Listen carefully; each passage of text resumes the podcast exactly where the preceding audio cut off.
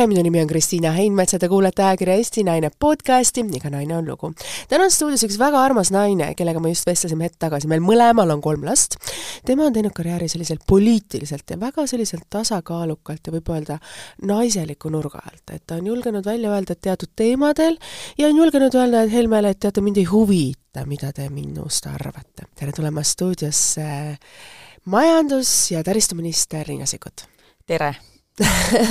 tere hommikust, et me salvestame täna seda saadet hommikul, ma olen ise täna kuidagi veidikene tõbine, aga ma loodan, et mu hääl peab vastu ja köhimine ise ka saate tegemist. Riina, sa samamoodi saabusid siia ja me planeerisime saadet mitu nädalat ette, sest su päevaplaanid on väga tihedad kuidas sa suudad seda kõike kolme lapse kõrvalt nagu säilitada ja kuidas öelda, logistiliselt koos hoida? hästi tihti küsitakse ja samas noh, kui palju meil on Eestis inimesi, kes kolme lapse kõrvalt töötavad, ma ei tea, kiirabis või kooliõpetajana, ja ma ühelt poolt saan aru, et tõesti, ministri töös on ühelt poolt palju etteaimamatust, et noh, kes teab, mis jälle pealkirjadesse jõuab ja millele reageerida tuleb.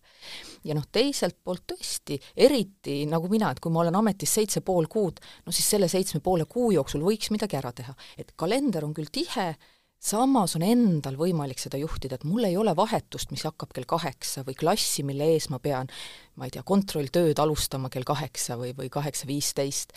nii et eh, koormust on, samas paindlikkust on rohkem ja eh, ma täitsa huviga mõtlen, et kas eh, ministrite käest, noh, ma ei tea, Madis Kallas, Urmas Reinsalu, Urmas Kruuse, neil on ka kõigil kooliealised lapsed ja kui palju nende käest küsitakse, et, et kuidas te laste kõrvalt hakkama saate, kuigi neil on tegelikult ju täpselt samasugused väljakutsed, ka nende lastel on jõulupeod ja tuleb päkapikku, pikku mütsiga kooli minna või, või piparkoogivorme kaasa võtta ja noh, selliseid asju, mida sa jooksvalt pead kogu aeg lahendama üldiselt, nii palju kui mina olen aru saanud, siis emad on ikkagi need, kes neid asju nagu tegelikult teevad, et ütleme, see isa võib ju rääkida või ennast kirjutada mis iganes paberil kriitvalgeks super, aasta superisaks, siis reaalsus on ju tegelikult ikkagi midagi muud, et meie oleme ju need, kes sõmblevad kostüümid nendele lasteaiaetenduste jaoks, meie jookseme nende juukseklambritega, sul on samamoodi kolm tütart ja noh, ilmselgelt neid südamekujulisi roosade äärtega piparkooke peame ka meie emadena tegema. ja tead, mina olengi leidnud ühe asja, mida mees ei suuda teha, see on patside punumine. kuna mul lastel pikad juuksed ka, et siis üle pea pats, mis päeva lõpuni vastu peab punuda, aga minu meelest absoluutselt kõige muuga eh, saavad mehed samamoodi hakkama ja ma arvan, et mõned neist suudavad ka patse punuda. kui palju on teil nagu selles mõttes ühisosa, et te nagu jagate võrdselt neid kohustusi, et te käite koos tööl, te arvestate mõlema graafikuga, sest logistikat ju te peate siis omavahel jagama, et kolm last ei ole just kõige lihtsam ja, ja mul on tunne, et hästi tihti, ükskõik, kas me arutame siis lastega seotud koormuse jagamist või mingisuguseid muid teemasid, meile tundub, et noh, see olukord on kuidagi ma ei tea, tsementeeritud või stabiilne või ühesugune kogu aeg. et ma arvan, et tegelikult on väga paljudes peredes, et et, et ühes, ma ei tea, aasta jooksul või on Äh, ühel vanemal suurem töökoormus, teine võtab äh, suurema rolli laste eest hoolitsemisel, järgmisel aastal on vastupidi või näiteks ma ei tea, isa te, lõpetab magistrit, teeb lõputööd või, või vastupidi, ema. või, või keegi kandideerib uuele töökohale, keegi ehitab oma ettevõtet üles. nii et tegelikult seda koormust, ma ei tea, aastate, kuude lõikes tulebki äh, jagada erinevalt. kuidas sa nagu oma perelt nagu vaatad, et sa räägid nagu praegu üldises mõttes, kuidas nagu teil on, et sa ütlesid, et punupatsid on küll sinu rida, aga kuidas te nagu ise oma päevagraafiku teete, sest noh, ilmselgelt peab ju väiksele minema lasteaeda järgi, ta jääb haigeks, et kas teil on abiline või siis ongi, et äh, minul on nüüd täna koosolek kaua, ole hea, mine nüüd kell viis järgi, saadad sõnumi ja mees ütleb jah, kallis abikaasa. no aga need olukorrad ongi sellised dünaamilised, et vahel noh, tema läheb, mul mees läheb näiteks täna lähetusse mina öösel jõudsin lähetusest. tavaliselt me pühapäeval siis vaatame uue nädala graafikut ja paneme paika, kes mida, kuhu eh, ma ei tea, tegema peab või jõudma peab, aga, aga tõesti, et minu vanemad, tema vanemad, tädi Siina, mul onutütar käib vahel õhtuti lapsi hoidmas, kui vaja on, et, et kahtlemata on, on vaja abilisi, kes, kes lastel silma peal hoiavad või kõhu täis söödavad aga see ongi ju tegelikult koostöö, et ühe lapse kasvatamine ei ole mitte ühe inimese soolo, vaid selleks on vaja tervet meeskonda ja tegelikult tugivõrgustikku, mis ongi väga okei okay. ja see on ju tegelikult olnud juba sajandeid niimoodi, et ühte last ei kasvata, ei kasvata üks vanem, vaid teda kasvatab ju tegelikult kogu kogukond või küla. no vot, sa väga ilusti ütled, et see tegelikult ei ole ju mingisugune hädalahendus. see on midagi, mis peakski nii olema. jah, absoluutselt. ja ma arvan, et see eh, samavanuste inimeste puhul, et kas hoiab üks las-, lapsi või, või, või teine, ei tule nii hästi välja, aga no näiteks minu vanavanaema, kes suvel saab üheksakümmend,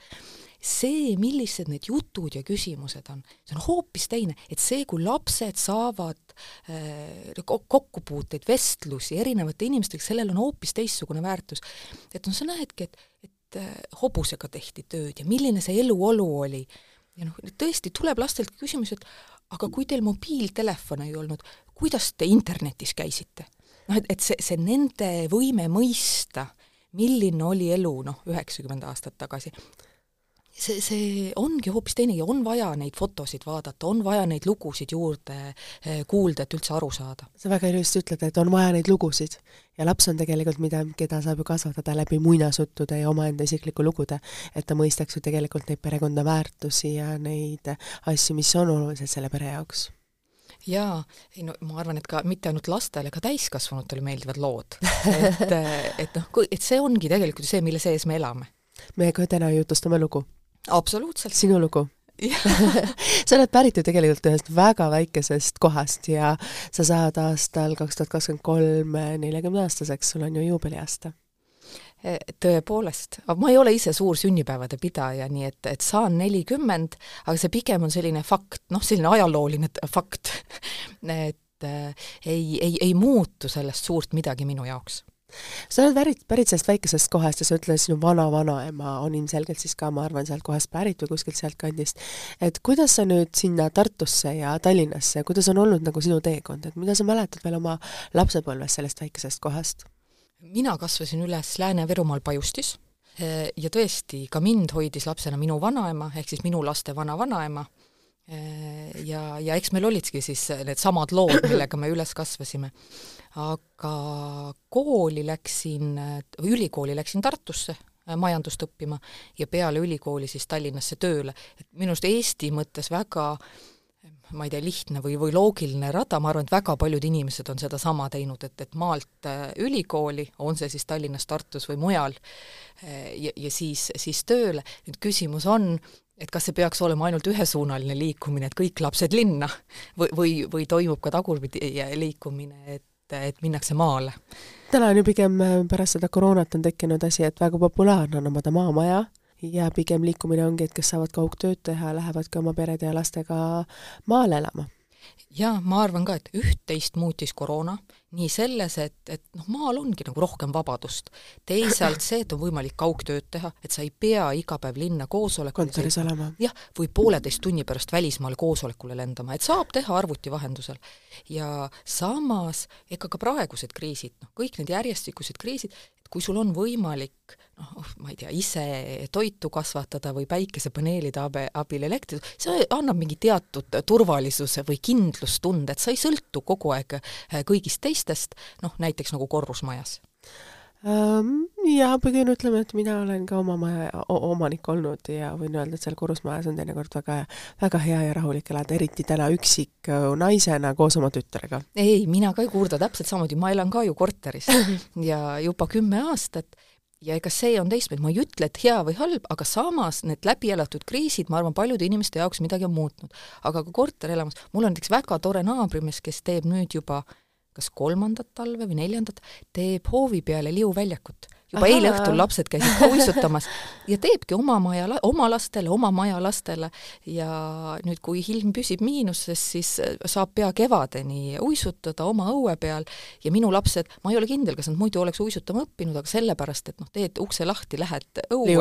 jaa, liu- ja, ja nüüd ongi, et nüüd kõige väiksemale ka osta, ostame uisud, et, et ka kahepoolene ilmselt noh, õp-, õpib väga kiiresti selle ära, kuidas jääl liikuda. no minu kahepoolene oli jääl no vot, täpselt. väga ilusti sai hakkama, aga noh, see uisutamiseni, uisutamisse veel ei meenutanud, et see oli selline liik-, väike neutroni moodi pallikene liikus selle peal aga sa räägid ikkagi sellest nii armsalt seda, et milline oli sinu lapsepõlve liuväli? mina, ma tõesti, ma ei mäleta, et ma oleks eriti lapsena uisutanud. tõesti, üksikud korrad, samas uisud mul olid, aga suusatasime. nii et äh, Pajustis äh, nii nagu paljudes maakohtades äh, lähedal metsas ikka tehakse suusarajad. noh, meil samamoodi koolis kehalise kasvatuse tunnis oma kuus kuni kaheksa kilomeetrit suusatasid seal ära, said hinde kätte. nii et samamoodi ka vabal ajal, äh, kui tuli lumi maha, siis, siis ikka ka naabrilastega ikka läksime, tegime uisutiirud või siis käisime kelgutamas, nii et sellist talvel õues olemist oli jube palju ja nüüd ma tagasi mõtlen, et et noh, pagan küll, me olime ikka vaprad, ma mäletan neid villaseid kootud kindaid. Pakse kasukaid. ja, ja su-, see lumi läheb ja see nüüd nagu paak pakkusi, noh, niimoodi nagu tüki. tüki nende kindlasti. siis sa lähed koju, karupüksid. paned radiaatori peale ja hakkab vesi alla voolama. ja nüüd on veekindlad kombekad, veekindlad kindad, kõik on nii kerged, mugavad, et noh, nüüd lastel peaks olema see õues mängimise, ma ei tea, lust suurem või, või võimalused palju paremad, et peab käima vähem toas kindaid vahetamas kuivade vastu seda kindlasti. aga milline oli sinu enda lapsepõlv, et sa rääkisid sellest, et sinu uisutamine asendus ikkagi suusatamisega, milline on su lapsepõlv, sinu esimesed mälestused näiteks, et ma tean, et Kristiina Roodes rääkis, et ma ikkagi lapsena tahtsin saada kunstnikuks, et ma juba kolmeaastane mäletan, kuidas ma neid sukkpükse lõhkusin seal, noh, ilmselgelt tollel hetkel, tollel ajal emal kulda väärt äh, riideesemed, sukkpüksid, välismaised, nii et äh, igalühel on vaata oma asi, mida ta tegelikult juba lapsepõlvest nagu mäletab, mis viib tema teekonna sinna, kus ta välja jõuab tänaseks. Ja, ja minu arust on väga huvitav see eh, oma laste pealt ka vaadates, kui erinevad on inimesed. et sa mõtled küll, et samad geenid, sama kasvukeskkond, samad reeglid ja see tuum on erinev ja mõni inimene teab, noh, Kristiina või minu arust kas Karmen Joller on ka ilusti rääkinud, kus ta väiksem juba tahtis arstiks saada ja nüüd ongi arst ja teeb täpselt seda, mida ta lapsena ette kujutas. ma arvan, et see pigem on erand. mina lapsena, oh küll ma tahtsin talupidajaks saada, et, et loomad oleksid. kas sul olid lapsena loomad? Ei, kass, kass on kogu aeg olnud, äh, aga, aga ei äh, lehmi või, või sigu või päris selliseid taluloomi, koduloomi ei ole olnud. Aga mina ei teadnud, ka lõpetasin keskkooli ära, ma tegelikult ei teadnud, mida ma õppima tahan minna, läksin õppima majandust. miks majandust? Mm,? Kuigi mul isa tegelikult soovitas ja ma, ja ma olen nõus ja ma olen seda väga paljudele kooli lõpetajatele edasi öelnud, et mine ülikooli õppima midagi sellist, mida sa ise raamatut lugedes omandada ei saa, midagi, mis on natuke keeruline. vaja on laborit või, või õppejõudu, kes selgitab või ma ei tea, arvutiprogrammi või või kliinikumis kas või, või tõesti need laibad, keda lahatad, midagi, mida sa ei saa ise kodus teha. ja noh, majanduses ma spetsialiseerusin ökonomeetriale, selline ökonomist no,. ma-, mate-, matemaatika või keerulisemad mudelid, et ühelt poolt nagu tõesti äh, suhteliselt keeruline, samas nüüd ma mõtlen, et oleks pidanud ikkagi loodusteadusi võib-olla õppima minema, et midagi, midagi äh, veel keerulisemat. aga see majandus, ma ütlen ausalt, see oli juhuslik valik. et äh, vaatad ka oma eksami tulemuste pealt, et kuhu sa sisse saad, mõtled, noh, mis sulle võiks meeldida, kuna mul ema on raamatupidaja, siis ma kõrvalaineks võtsin ka finantsjuhtimise noh, et et, et samamoodi, et saab raamatupidamise selgeks, et üks konkreetne asi või, või oskus, mida terve elu jooksul ilmselt äh, ära kulub, et ei olnud sellist kutsumust, et, et tõesti, kes paneb varauisud alla, tahab saada uisutajaks või kes moekunstnikuks või arstiks, minul sellist kutsumust ei olnud, ma vahepeal mõtlesin ka arstiks pea, saamise peale, aga ma olen selline minestaja vere, vere, vere peale, mul ei ole seda, seda närvi. siis meil on midagi ühist, sest äh, ilmselgelt olin mina patsient ja minu parim sõbranna eluaegne arst. täna on ta väga kõrgel kohal Tartu Ülikooli vähiraviosakonna, ma ei oska seda pikka nimetust välja öelda seal, nii et mõnel on kutsumus juba lapsepõlvest. aga mida sa mäletad, mis olid need sõnad või asjad, mida sinu ema sulle lapsena andis ja mida sa täna, kui sa said ise emaks, oled nagu meenutanud, et küll need olid asjad, mille eest ma terve teismeea põgenesin, aga näed, nüüd tuletan neid meelde. vaat, sellist ühte lauset või, või mingisugust elutarkust ma küll ei oska välja öelda, aga eh, ja noh, igal inimesel oma tugevused, mina mäletan lapsepõlvest kuidas ema meile riideid õmbles. noh, ühelt poolt Nõukogude aeg, aga see oli see, mida tema ka oli koolis õppinud ja mida ta oskas ja ilmselt, mis talle meeldis.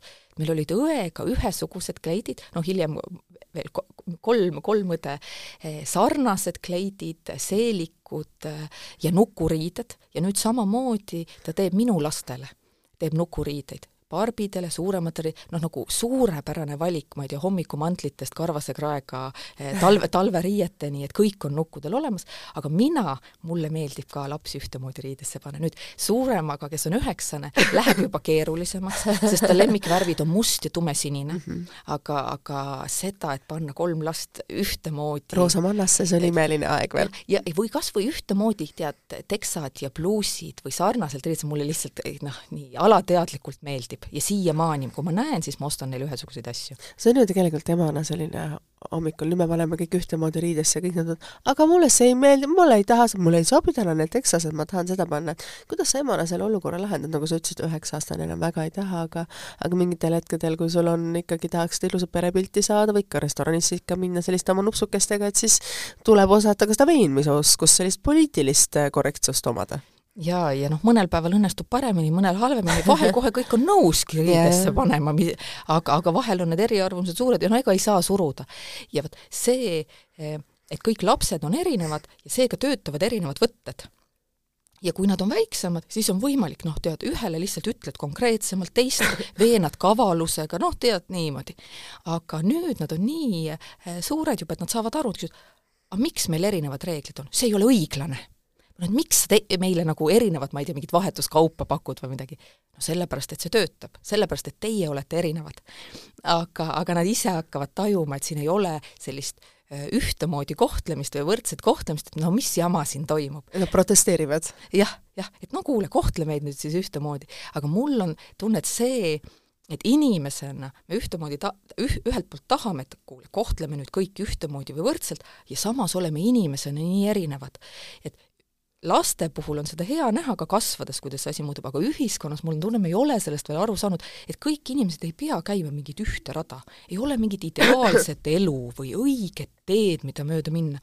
et üks, no üks tahab ühte, täpselt, mida nad õppida tahavad, milliseid valikuid elus teevad, ja me võiksime aktsepteerida, ükskõik, kas siis inimene ma ei tea, soovib lastega kodus olla, soovib tööd teha, soovib maale kolida äh,, mõtleb ümber, ei, vahetab eriala, aga see on tema valik, lase käia, kui see sulle meeldib, kui see on see, mida sa teha tahad, siis okei okay.. et kellelgi teisel ei ole nagu õigust öelda, mida sa tegema peaksid, aga ühiskonnal me tahame väga öelda, oota, meil on siin ikkagi reeglid.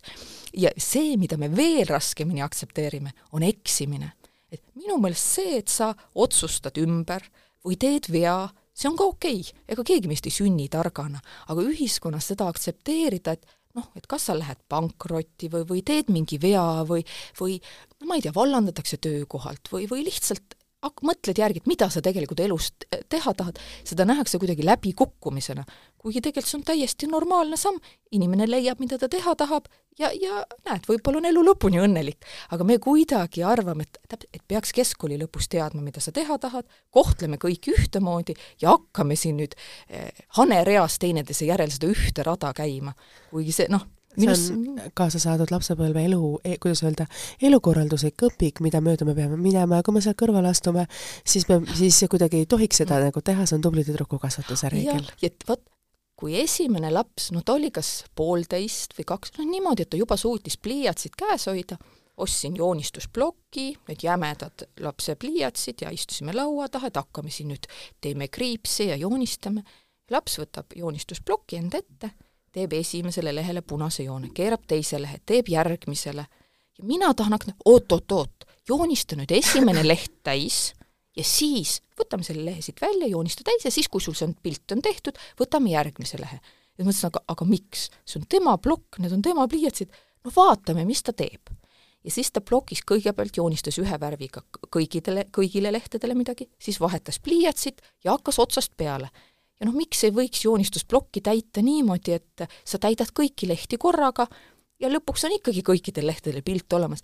et juba noh, see instinkt on öelda nii, et kuule, aga reeglid on sellised, paber tuleb täis joonistada, siis võtad järgmise.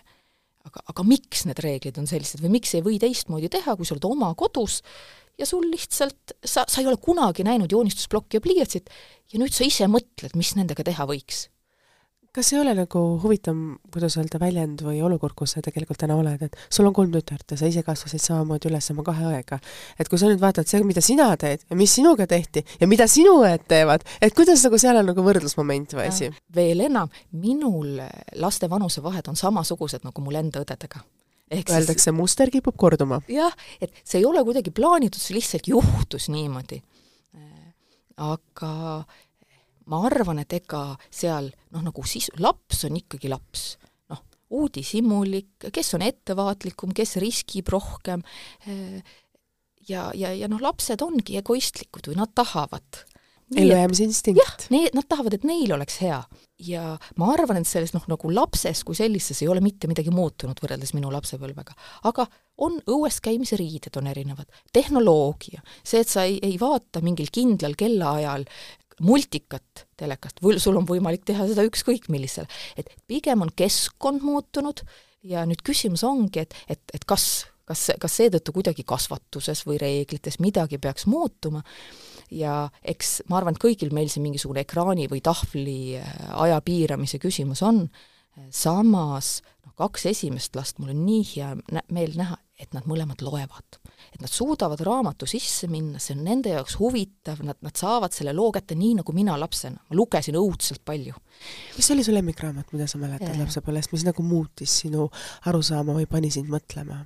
ma mäletan tegelikult seda, kui ma istusin noh, nüüd õe, õetoas pisikese oranži sellise lastetooli peal ja lugesin, ma arvan, oma ema lapsepõlve selline rohelise kaanega, aabits karupilt oli peal ja noh, loen tähti kokku, ma ei tea, kõh, oo, ool, kool ja hakkad ja siis kuidas, kui sõnad on reas lauses, kuidas ma sain aru, et aga siit tuleb mingi mõte välja, et need ei ole eraldi sõnad, aga kui sa need järjest ära loo-, loed, et siit tuleb nüüd lause kokku või mingi lugu kokku, et ma mäletan, kuidas ma seal toas istusin, selle lause kokku lugesin. Nii et kool oli üks esimene sõnum, sõnum, mida sa kokku lugesid, mida sa mäletad? ei, ma, ma, ma ei mäleta, mis sõna see oli, aga ma mäletan seda tunnet, et kuidas ma sain aru, mis asi see lugemine on. ja teine asi, mida ma lapsepõlvest mäletan, mis on täiesti juhuslik lugu, noh, tol ajal ju telekast, no mida näidati, Mehed ei nuta oli ikka mitu korda aastas ja mulle meeldis, ma nägin, et see on naljakas ja kuidas, kui ma ükskord sain aru, mis see lugu seal päriselt taga on, et need ei ole mingid üksikud laulud või, või naljakad ütlemised, et seal on päriselt lugu taga. Et noh, sellised, need on täiesti juhuslikud hetked, mis meelde jäävad, aga, aga siiamaani mulle meeldib lugeda ja mulle meeldib Mehed ei nuta. lugeda ja Mehed ei nuta, aga mis oli teismelisena see oluline asi? siis ilmselgelt nii mõnigi mehi, mehe mees nuttis. või noor poiss nuttis vaat selle kohta ma ei oska öelda, aga eh, ma ei olegi mõelnud, et mis siis teismeeast kaasa on tulnud, aga nüüd, kui mul oli väga tore ajalooõpetaja, Jaan Nõmmik, kes eh, hakkas tegema koolis mälumängusid. Et me käisime varem juba ka vallamälumängudel, et seal olid ka sellised õpilastest võistlejad, hakkas tegema koolile, iga klass pani äh, äh, võistkondi välja, noh eks seal oli ka klassis, et kas võidavad poisid või tüdrukud ja selliseid asju, aga, aga see, et sa igal nädalal mängid mälu, läksin ülikooli, osalesin iganädalaselt mälumängudel ja noh, siiamaani mulle tegelikult meeldib mitte, et ma oleksin kuidagi eriliselt hea või osav, aga mulle meeldib see, et sa hakkad loogiliselt tuletama vastust või, või pakud ja väga paljude asjade puhul mul ei ole tegelikult see tulemus oluline, aga see protsess, see, see, see mäng, see meeskonnaga koos mõtlemine, et noh, minu arust on, see on nagu selline tore ajaviide ja alati saab targemaks ka. sa oled täna Sotsiaaldemokraatliku Erakonna aseesimees sotsiaaldemokraadid seisavad ikkagi selliste pereväärtuste sellise ühiskonna neutraalsuse ja sellise, kuidas öelda, võrdõiguslikkuse poolt. Ja te kunagi tegite ka selle naiste marsi kaheksandal märtsil vist, kui ma mäletan, siin mõned aastad tagasi, ma osalesin ka seal, et kuidas on nüüd meie ühiskond muutunud selle nelja aastaga, et on ka midagi paremaks läinud. meil on olnud koroona, meil on olnud äh, palgalõhe, meil on ikkagi samasugune, et kas on nagu midagi muutunud ka kuidagi sisemiselt või midagi on nagu edasi jõudnud pärast seda naistemarssi? mina osalesin ka seal naistemarsil. ma mäletan ah., me olime suht kõrvuti ah. aga ausalt öeldes äh, minu arust see, see võrdõiguslikkus, just see, et, et inimene kui selline on väärtuslik. et sa, sa ei pane teda soost tulenevalt mingisugusesse kasti ja ei kehtesta selle, sellest tulenevalt reegleid. ja, ja see, et ei ole seda õiget rada, et, et võib naine saada laevakapteniks või, või mees lasteaiakasvatajaks, et see on ka täiesti okei okay.. Neile meeldib, nad tulevad sellega toime, miks mitte, ma arvan, et Eestis on absoluutselt iga ametikoha täitmiseks olemas sobiv mees ja sobiv naine. kas sa oled ise tundnud seda, et et äh, sa oled naine, et sa pead rohkem pingutama. ja kui sul on olnud elus selliseid raskeid hetki just tööalaselt, kas on olnud see naine või mees, kes on sulle käe ulatanud hmm,? aga kõigepealt vastan ka sellele, et kas nelja aasta jooksul on midagi muutunud, ma ütleks, et tegelikult eriti ei ole ja, ja vaatamata sellele, et minu meelest tasakaal ühiskonnas on oluline ja noh, selle vabaduse andmine vaatamata sinu soole, siis me ei ole kunagi eriti teadlikult tegelenud sellega, et ühiskonnas selle tasakaaluni jõuda, sest seda ei tajuta probleemina. noh, aga meil on olnud naissoost president või noh, noh, et minul ei ole olnud äh, muresid, et näed, minister ja, ja tõepoolest, vaatamata sellele, et mina ise ei pruugi olla tajunud mingisugust diskrimineerimist või ebavõrdset kohtlemist, see ei tähenda, et seda ei toimu. ja, ja see väga hea küsimus, et, et kes siis on kuidagi rohkem aidanud, kas, kas mehed või naised, aga arvestades, et juhtivatel kohtadel meil on valdavalt mehed, otsuseid teevad valdavalt mehed ja need otsused, kas naine ma ei tea, edutada, tööle võtta, võtta, talle anda uus roll või suurem vastutus, neid otsuseid teevad ka mehed. nii et ma arvan, et valdav osa Eesti naisi, sa, kellel, kes on, ma ei tea, rahul sellega eh,, ma ei tea, kus nad on või mida nad teevad, saavad öelda, et nemad saavad selle eest tänulikud olla meestele. kas sa, ka sina saad ka öelda sellele, et sa oled tänulik meestele, et sul on antud see võimalus? Saad sa öelda ka seda selles mõttes, et sa ütled, et sa ei, sina ei ole seda tunnetanud, aga ikkagi meie ühiskonna tasakaal on ikkagi sinna väga maskuliinsuse poole. et kui ma, olles reisinud väga palju maailmas ja olles nüüd viimasel väga palju tihti Portugalis, et kuidagi see austus ja väärikus naise suhtes on nii teisel tasandil. Et tänaseks ma olen harjunud nii paljude detailidega, et mul on isegi raske võib-olla mingis mõttes ühiskonnas aktsepteerida reaalselt teatud olukordi jaa, ja ma olen nõus, samas enamik inimesi Eestis ka väidab ju, et nad ei diskrimineeri, nad ei tee mingisugust vahet ja aga ma, see eksisteerib? täpselt, ja ma arvan, et nad on siirad. Nad, nad teadlikult ei soovi teha ühelegi naisele kuidagi ebameeldivat otsust või kellelegi liiga. aga nad teevad otsuseid kõhutunde põhjal. sellepärast, aa, varem oli selle koha peal töötas mees, sai hakkama, võtame uue mehe. kuidagi nad eeldavad naisest midagi või omistavad talle iseloomuomadusi, mida sellel konkreetsel naisel näiteks ei pruugi olla, või siis ka omadusi, mis tegelikult võivad olla väärtuslikud. et nii et, nii et ma olen täiesti nõus sinu hinnanguga, et meil on midagi teistmoodi, me ise päris ei tunnista seda, et see on teistmoodi ja kuna me seda ei tunnista, ega me ei saa seda ka lahendama hakata. aga, aga minu puhul konkreetselt eh, noh, enamasti noh, kõik inimesed, kes mind on tööle võtnud, tavaliselt kõik on olnud mehed. ükskõik, kas ma läksin Rahandusministeeriumisse eh, või, või Praxisesse, eh, Riigikantseleisse või, või tulin poliitikasse, tööle on võtnud nüüd mehed. nii et noh, seda ma mõtlengi, et tegelikult kuna mehed teevad rohkem juhtimisotsuseid, siis ka nemad saavad otsustada, kas tööle võtta naine või mitte või millist palka naisele maksta. ja mul on ka väga positiivseid kogemusi, kus, kus tööintervjuusid läbi viiv siis meessoost ülemus, olime teised asjad ära rääkinud, ta küsis minu palgas ootust ja enne, kui ma jõudsin vastata, ta ütles, et Riina, ära nüüd palgalõhet suurenda. aga kui palju on ülemusi, kes ütlevad naisele niimoodi? Ma arvan, neid praktiliselt võib ühel käel võib-olla üles lugeda. no täpselt. kas sa oled tundnud ka seda Eesti ühiskonnas nagu selles mõttes, et me naistena ei hoia kokku, et kui meil on võimalus, siis ikkagi meie sellised iseloomujooned nagu kadedus ja võib-olla selline natukene teise naisele ärategemine on rohkem omane võib-olla kui ka meeste seltskonnas, et kui mehed toetavad üksteist rohkem ja nended langetavad ka suuremaid otsuseid, see tähendab seda, et nagu nemad on nagu kindlamas ja tasakaalukamas kohas ja meie naistena kuidagi seal nagu neutronid veel mitte üks, ük, ük, moodustades seda ühtset jõudu, jõudu proovime kuidagi siin nagu võidelda või osa, osa meist proovib võidelda teatud asjade eest, mida oleks vaja tegelikult kogu Eesti ühiskonnas muuta.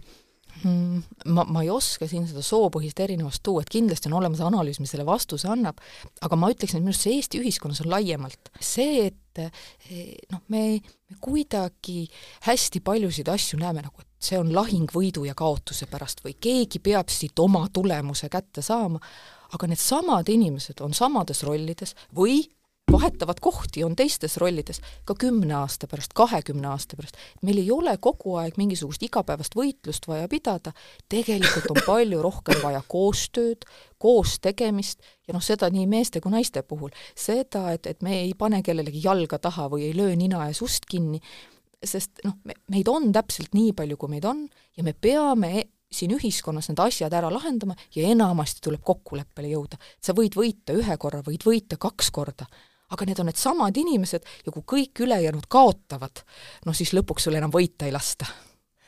kui palju sa oled ise tundnud nagu sellist asja, et äh, meil on ikkagi see toores jõud ja kuidagi see harjumus, et see toores või toores jõud nagu võidab, et no me võtame kas või see Helmede teema, et et nad ikkagi avalikult selle toore, brutaalse, võib-olla veidi sellise ähm, nagu võib-olla sellise mitte nii, kuidas öelda, intelligentse mentaliteediga kõnetavad rohkem inimesi kui siis sellise väljapeetud intelligentse mentaliteediga võib-olla teised mehed või naised, et selline brutaalsus on see ikkagi, mis me oleme nagu veel pärinud sellest Nõukogude ajast jaa, ja ega jõud võib olla ju ka positiivne, noh nagu, nagu ma ei tea, jõud, otsustusjõud või, või julgus, nad ei ole kuidagi negatiivsed, samas ma ütleks ka, et noh, see, ka ebaviisakus või, või noh, see on midagi sellist, mida me tegelikult ei peaks aktsepteerima ei poliitikas ega kuskil mujal. me peaksime suutma kõigiga viisakad olla. ja nüüd äh, mina, ma arvan, et kui rääkida rohkem äh, poliitikast, siis see, see on seoses, ma ei tea, tehnoloogia arenguga, meediaga, sotsiaalmeediaga, mingi muutus on toimunud. et kui keegi ütleb välja mõistliku asja, no siis enamasti ke-, seda no väga vähe loetakse või sellele reageeritakse aga kui keegi on äh, kuri või, või solvab või, või ongi väga eelarvamuslik, siis sellele me reageerime. ühelt poolt peabki ütlema, et see, noh, see ei sobi, niimoodi ei tehta. samas need reaktsioonid täidavad eetri ära sellises mahus, et ega midagi tasakaalukat sinna kõrvale ei mahu. aga see ilmselt on midagi, mida skandaal müüb. skandaal, aga see ongi, see kogu, kogu maailmas elatakse seda, seda läbi, et, et kui sa oled pealkirjas, noh et see on see, mis on tähtis või see on ainsana tähtis, mitte see, mis su sõnum on või kas see on see, mida ühiskonnas vaja on, kas see viib meid lahendusteni, et äh, kuidagi me oleme jõudnud äh, selleni, et kõik need, ma ei tea, pildid ja pealkirjad teevad seitse ringi ümber maakeera ära, enne, enne kui äh, mingisuguse mõistliku lahenduse sõnastamisenigi jõutakse kuidas sina sõnastaksid selliselt mõistlikult siis äh, praegu tänase olukorda, et et kus me naistena oleme Eesti ühiskonnas? mis me peaksime muutma, et me oleksime tugevamad? ma arvan, et see üleminek, et me peame jõudma selleni, et meil olekski võrdne ühiskond, et ükskõik, millist karjäärivalikut tahab teha tüdruk, siis ei ütle ükski õpetaja talle, et oi, aga tüdrukud kapteniks ei saa. noh, see päris elus juhtunud sündmus.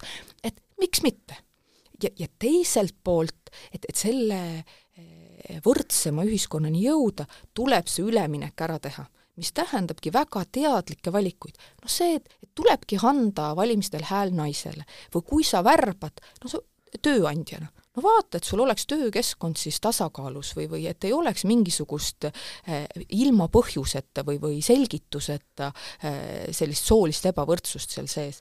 et noh, mõtle ise teadlikult ka sellis-, et sa kujundaksid töökeskkonna, kus on ka naistel hea töötada. et vahe, vaheperiood on selline, kus me peame selle teemaga teadlikult tegelema, et palgalõhe kaoks, et juhtivatel kohtadel oleks naised, aga siis, kui see eh, võrdsus on saavutatud, ma arvan, et see, et, et noh, siis eh, väga eh, keeruline on seda te tegelikult siis tagasi pöörda, aga niikaua, kui me seda treppi ronime, et sealt alla kukkuda on küll lihtne. et kui me jätame teadlikult need sammud ja otsused tegemata, siis me kunagi võrdse ühiskonnani ei jõua, aga osa sellest võrdsest ühiskonnast ikkagi puudutab hoolduskoormust, et ka laste eest hoolitsemist, et nii kaua, kui ainult naine peab oma, ma ei tea, tööalaseid valikuid või, või tegema lastest lähtudes, et nii ma, nii me sinna ei jõua, et niikaua, kui lapsed on peres ühiselt, et kui me jõuame selleni, et lapsed on peres ühiselt, et siis on võimalik seda suuremat võrdsust ka saavutada.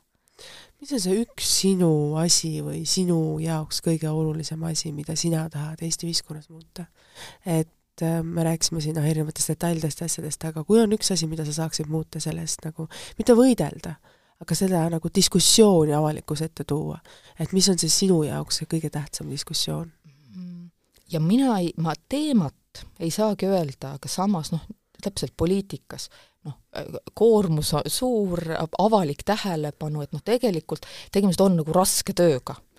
aga ma teen seda ainult sellepärast, et, et ma ise arvan, et Eesti poliitikas võiks olla palju rohkem noh, sellist, ma ei tea, tervemõistuslikkust, informeeritud otsustamist, omavahel kokkuleppimist, et, et see, kuidas mina tööd teen, ongi see, noh, mis ma tahan, et Eesti ühiskonnas muutuks.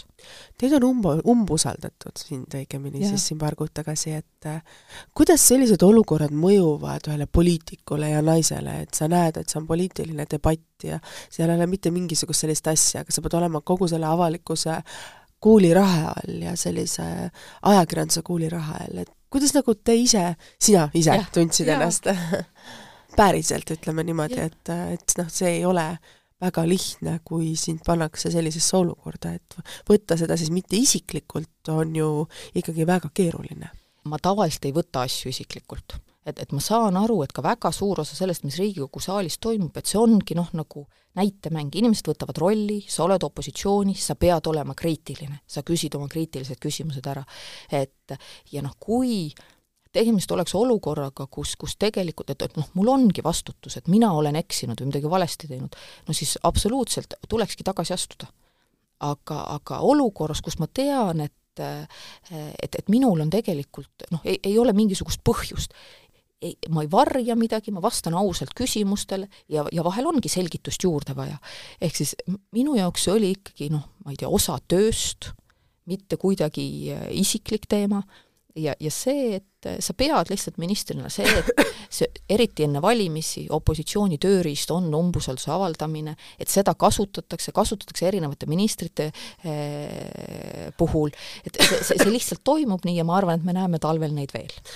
kuidas sa nagu päriselt nagu ennast tundsid, sa räägid kõik, et kõik oli nagu niimoodi, niimoodi. kas sa ikka kodus mõne pisara valasid ja tundsid, et sul on nagu liiga tehtud, et see ei ole nagu avalikult okei okay,, et et poliitmängud poliitmängudeks, jah, ma võtan seda mõistusega, aga ikkagi ei ole see ju kõige meeldivam umbusalduse järele ei, ei nutnud. selles mõttes, et ma, ta tõesti, ta oli minu, noh, ta oli nii kuidagi konstrueeritud või ma ei tundnud, et seal mingisugust sisu taga on, ta läks kuidagi mööda, ma ei, ma ei võtnud seda niimoodi isiklikult. aga, aga mõned teised teemad võivad oluliselt rohkem kõigutada. aga jah, see konkreetne asi, ta, ta oli lihtsalt noh, ma ei tea, neli tundi puldis, pigem nagu selline füüsiline pingutus, et et see asi ära teha, aga aga, aga muidu ta kuidagi, ma ei, ma ei saa öelda, et ta oleks rängalt mõjunud, ma ise arvasin ka, et kuna umbusalduse läbi elanud minister ütles, et noh, see võib tagantjärgi nagu lainena tulla. no täpselt. jah, aga, aga antud juhul ei tulnud, nii et, et ma ei tea mis on sinu tugevus, kui sa ütled, et sellised rasked olukorrad sind ei kõiguta, mis on sinu tugevus, et sa naisena suudad nii kahe jalaga maale, maa peale jääda ja see neli tundi kuidas öelda siis, turmtuld ära, ära kannatada? ma, ma tegelikult see, see tugevus minu arust ei ole nagu seotud otseselt umbusaldusega, samas kaudselt võib-olla on. tavaline minu arust Eesti naise puhul, see tubli tüdruk, ma olen väiksest peale, ma teen oma asjad hästi ära. ma saan kõigega hakkama, mul ja, pole abi vaja. ja ma teen oma asjad korralikult, kui ma teen tööd, ma teen korralikult ja täpselt samamoodi umbusaldusega, kui te küsite, ma vastan teile põhjalikult. et ma teen selle kuidagi nagu korralikult ära.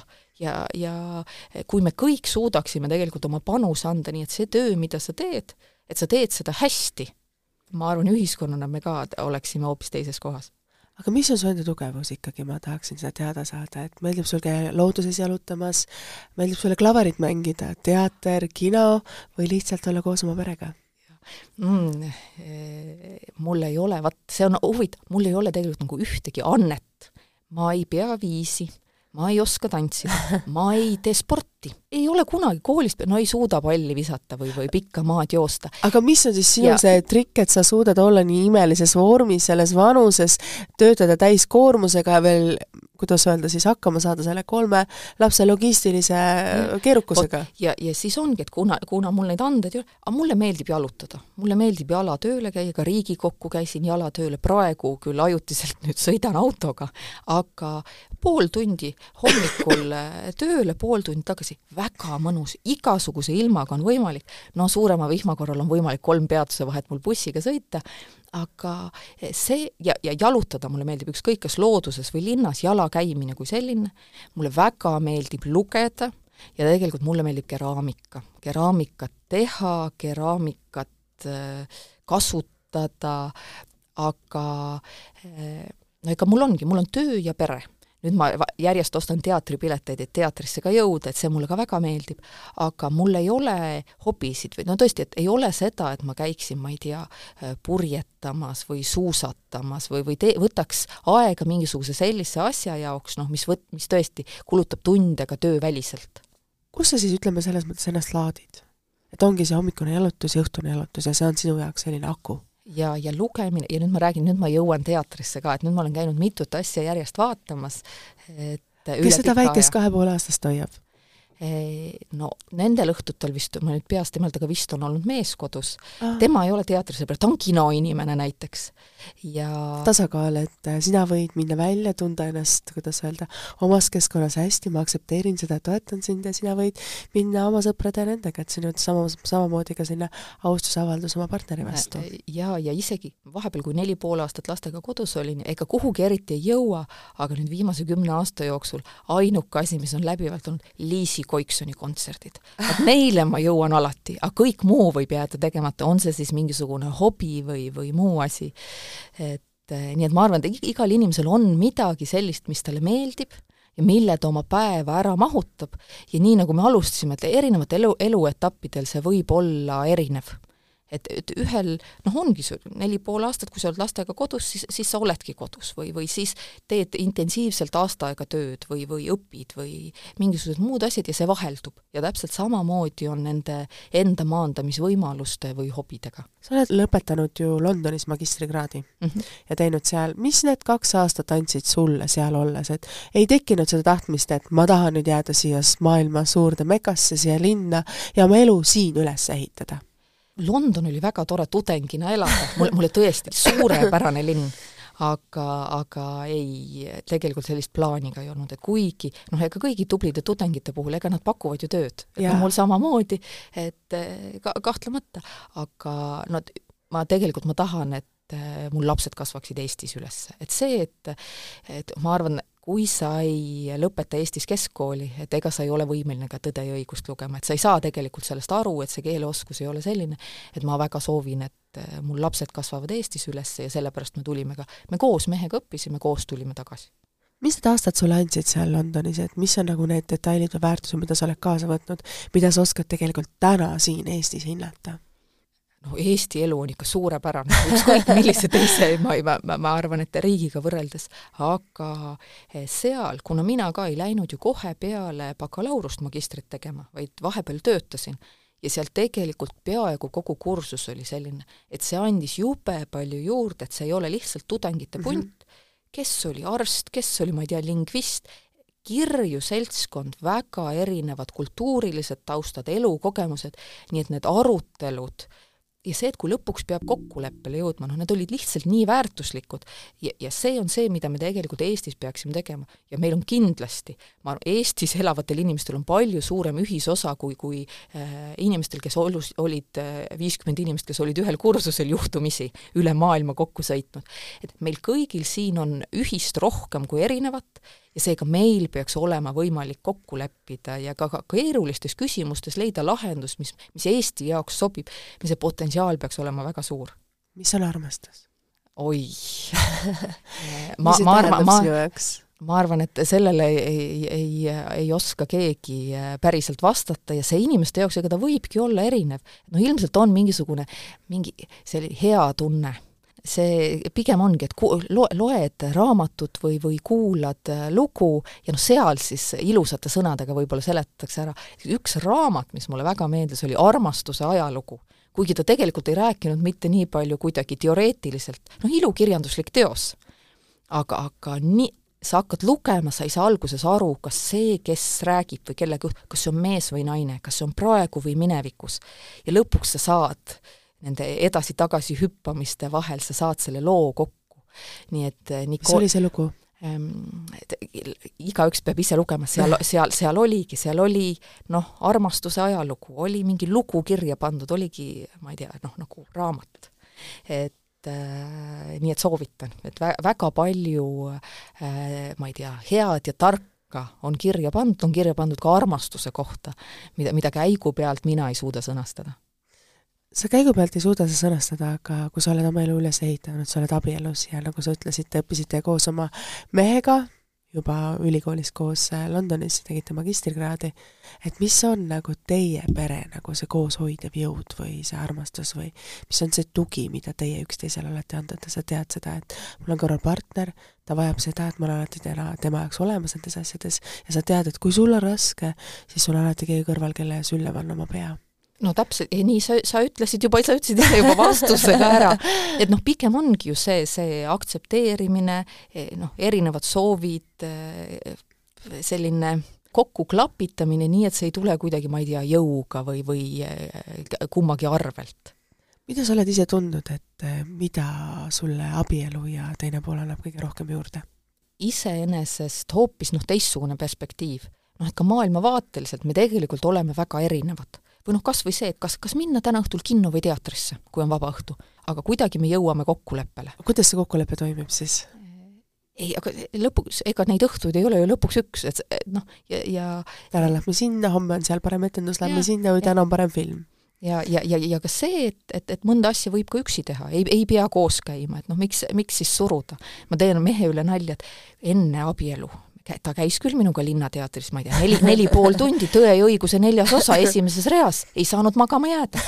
aga vaat pärast, no ena-, aga, aga nüüd küsimus ongi, et kas üldse peaks, et, et võib leida ju neid asju, mis mõlemale meeldivad või sobivad. absoluutselt. ja, ja noh, ma arvan, nii nagu me, minu arust on väga palju see, mis on inimsuhetes, on see siis peres või ja, ja ühiskonnas, ega need äh, mured, mured ja vajadused on samasugused, see tasakaal, vabaduse andmine, noh, aktsepteerimine, et seda on meil vaja igal tasandil. kui palju sa vajad ise oma suhtes vabadust ja oma töös nagu vabadust, et otsustada ja ise langetada neid äh, olukordi ja lahendada? Ma arvan, ma arvan, elus me tegelikult kõik ühelt poolt me vajame seda vabadust või seda, et oleks valik. ma arvan, kõige hullem on see, kui sa tunned, et sa oled sundolukorras, et sul ei ole mitte midagi muud teha, vaid ongi nagu ainult üks äh, valik. et kui ja, ja minu arust see ei peegeldu nii palju igapäevases töös, vaid noh, näiteks selles, et, et ma ka noh, õppige, niikaua kui te noored olete, võib olla keeruline või, või aga tulebki pingutada, sest minu arust haridus on see, mis lõpuks selle vabaduse annab, et sul on valikud, sul on võimalik midagi teha ja, ja väga raske on hiljem tagasi tulla, mingisuguseid lünki täita. ja ma arvan, Eesti jaoks tervikuna äh, et ega meie, meil ei ole kunagi ühtegi loodusressurssi piisavalt või töö, töökäsi piisavalt, meie saame eh, maailmas silma paista, me saame Eesti elu edasi viia ainult sellega, mis meil siin kahe kõrva vahel on, et mida targemad me oleme, eh, seda tegelikult tervemad, seda noh, see, see kasu on nii eh, lai, nii et kui, kui meil oleks üks euro, me peaksime panema selle haridusse sa väga ägedalt nagu selles mõttes räägid, et äh, kuidas sina lahendasid selle olukorra oma ülikooli aastatel Tartus, et kus sa selle ühe lisaeuro leidsid, kui sul oli üliõpilasena puudu, et osta see saia peale see vorst? no minul äh, vanemad toetasid muidugi ülikooli ajal ja äh, käisin, tegin töö, mul juhendaja noh, tudengitele pakub ka võim-, pakkus võimalust ka analüüsi teha, küsitlusuuringuid läbi viia, nii et ma tegin, aga ma ikkagi tegin nagu erialast tööd. et seda, et, et sissetuleku teenimiseks ma tööle pidin minema, et seda tegelikult ei olnud ja ma noh, seetõttu minu arust ülikooli aastad olid väga toredad ja ma siia tegelikult arvan, et et kui võimalik, siis, siis võiks ka õppimisele pühenduda. et jah, teha väikese koormusega midagi erialast kõrvalt, aga mitte nii, et sa pead tegema, ma ei tea, öiseid vahetusi selleks, et kõht täis süüa mis oli see fopaa kesk- või mitte keskkooli, vaid ülikooli ajal, mida sa siiamaani mäletad, et oih, et Karinal juhtus? kusjuures ega tal ei ole nagu äh, negatiivset lõppu, aga mul tõesti oli äh,, mul on jaanuaris sünnipäev, sessi aeg, ma tihtipeale oma sünnipäeval tegin eksamit. ja nüüd oli äh,, mul oli sünnipäev, mul on tunne, et pühapäevasel päeval, es-, esmaspäev oli eksamipäev. ja siis mina ja mul õde ja kõik õpime siin, ja kursavend saadab sõnumi teinud luuletuse ja seal oli õppejõu nimi ka sees, noh, tead, ei anna asu ja kuidagi, mis asja. siis eh, läksin vaatama, et noh, mis eksam see siis homme on. ja tuli välja, et ma õppisin neljapäevaseks eksamiks, ma olin päevad segi ajanud. et mul homme oli hoopis teises aines eksam, siis ma mõtlesin küll maha, et istusin maha, mõtlesin, mis ma nüüd siis teen, et kas ma jätan homme minemata või ma hakkan nüüd viimasel õhtul, et õpin öö läbi. aga lõpuks äh, siis äh, võtsin selle õige aine ette, paar tundi õppisin, läksin magama, noh, eksam läks muidugi järgmisel päeval hästi, aga see oli küll noh, täiesti juhus, et, et ma üldse ära tabasin. mõtle, kui oleks läinud hommikul kohale, antakse sulle siis küsimustega leht ette ja see on hoopis teine aine kui, kui, kui see, milleks sina olid valmistunud. nii et noh, ma sain eelhoiatuse, sain kursavenna sõnumist. kas sul on elus olnud veel olukordi, et sa valmistud üheks, aga elu toob sulle midagi muud lauale? Vaat on ke-, nüüd keeruline vastata jah või ei, sellepärast et ma tegelikult ei valmistu, mul endal ei ole plaani.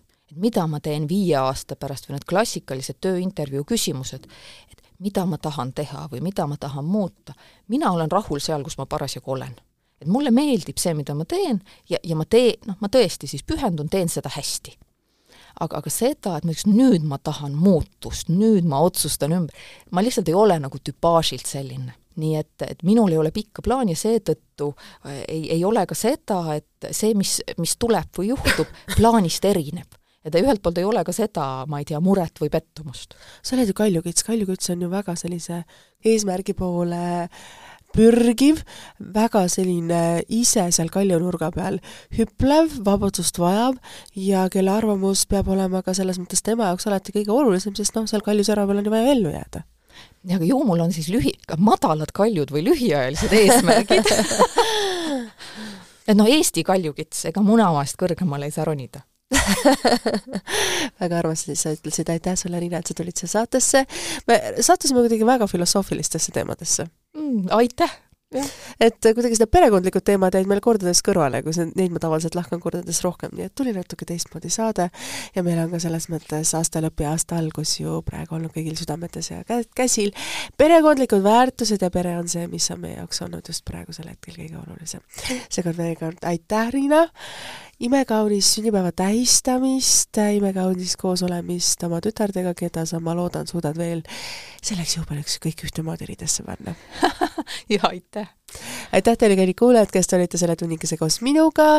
saade on eetris meil igal neljapäeval nüüdsest, sest reede hommikuti, kui me see läheb natukene hiljem, siis ma saan selliseid kommentaare, aga kus see saade on, seega tulles teile vastu, neljapäevati hakkab see saade eetrisse minema, samamoodi ka tekstid ja asjad, seega kohtume teiega juba nädala pärast uue saate, uue teema ja uue külalisega ja saade on ikka saadaval ja kuulatav Delfi taskukeskkonnas.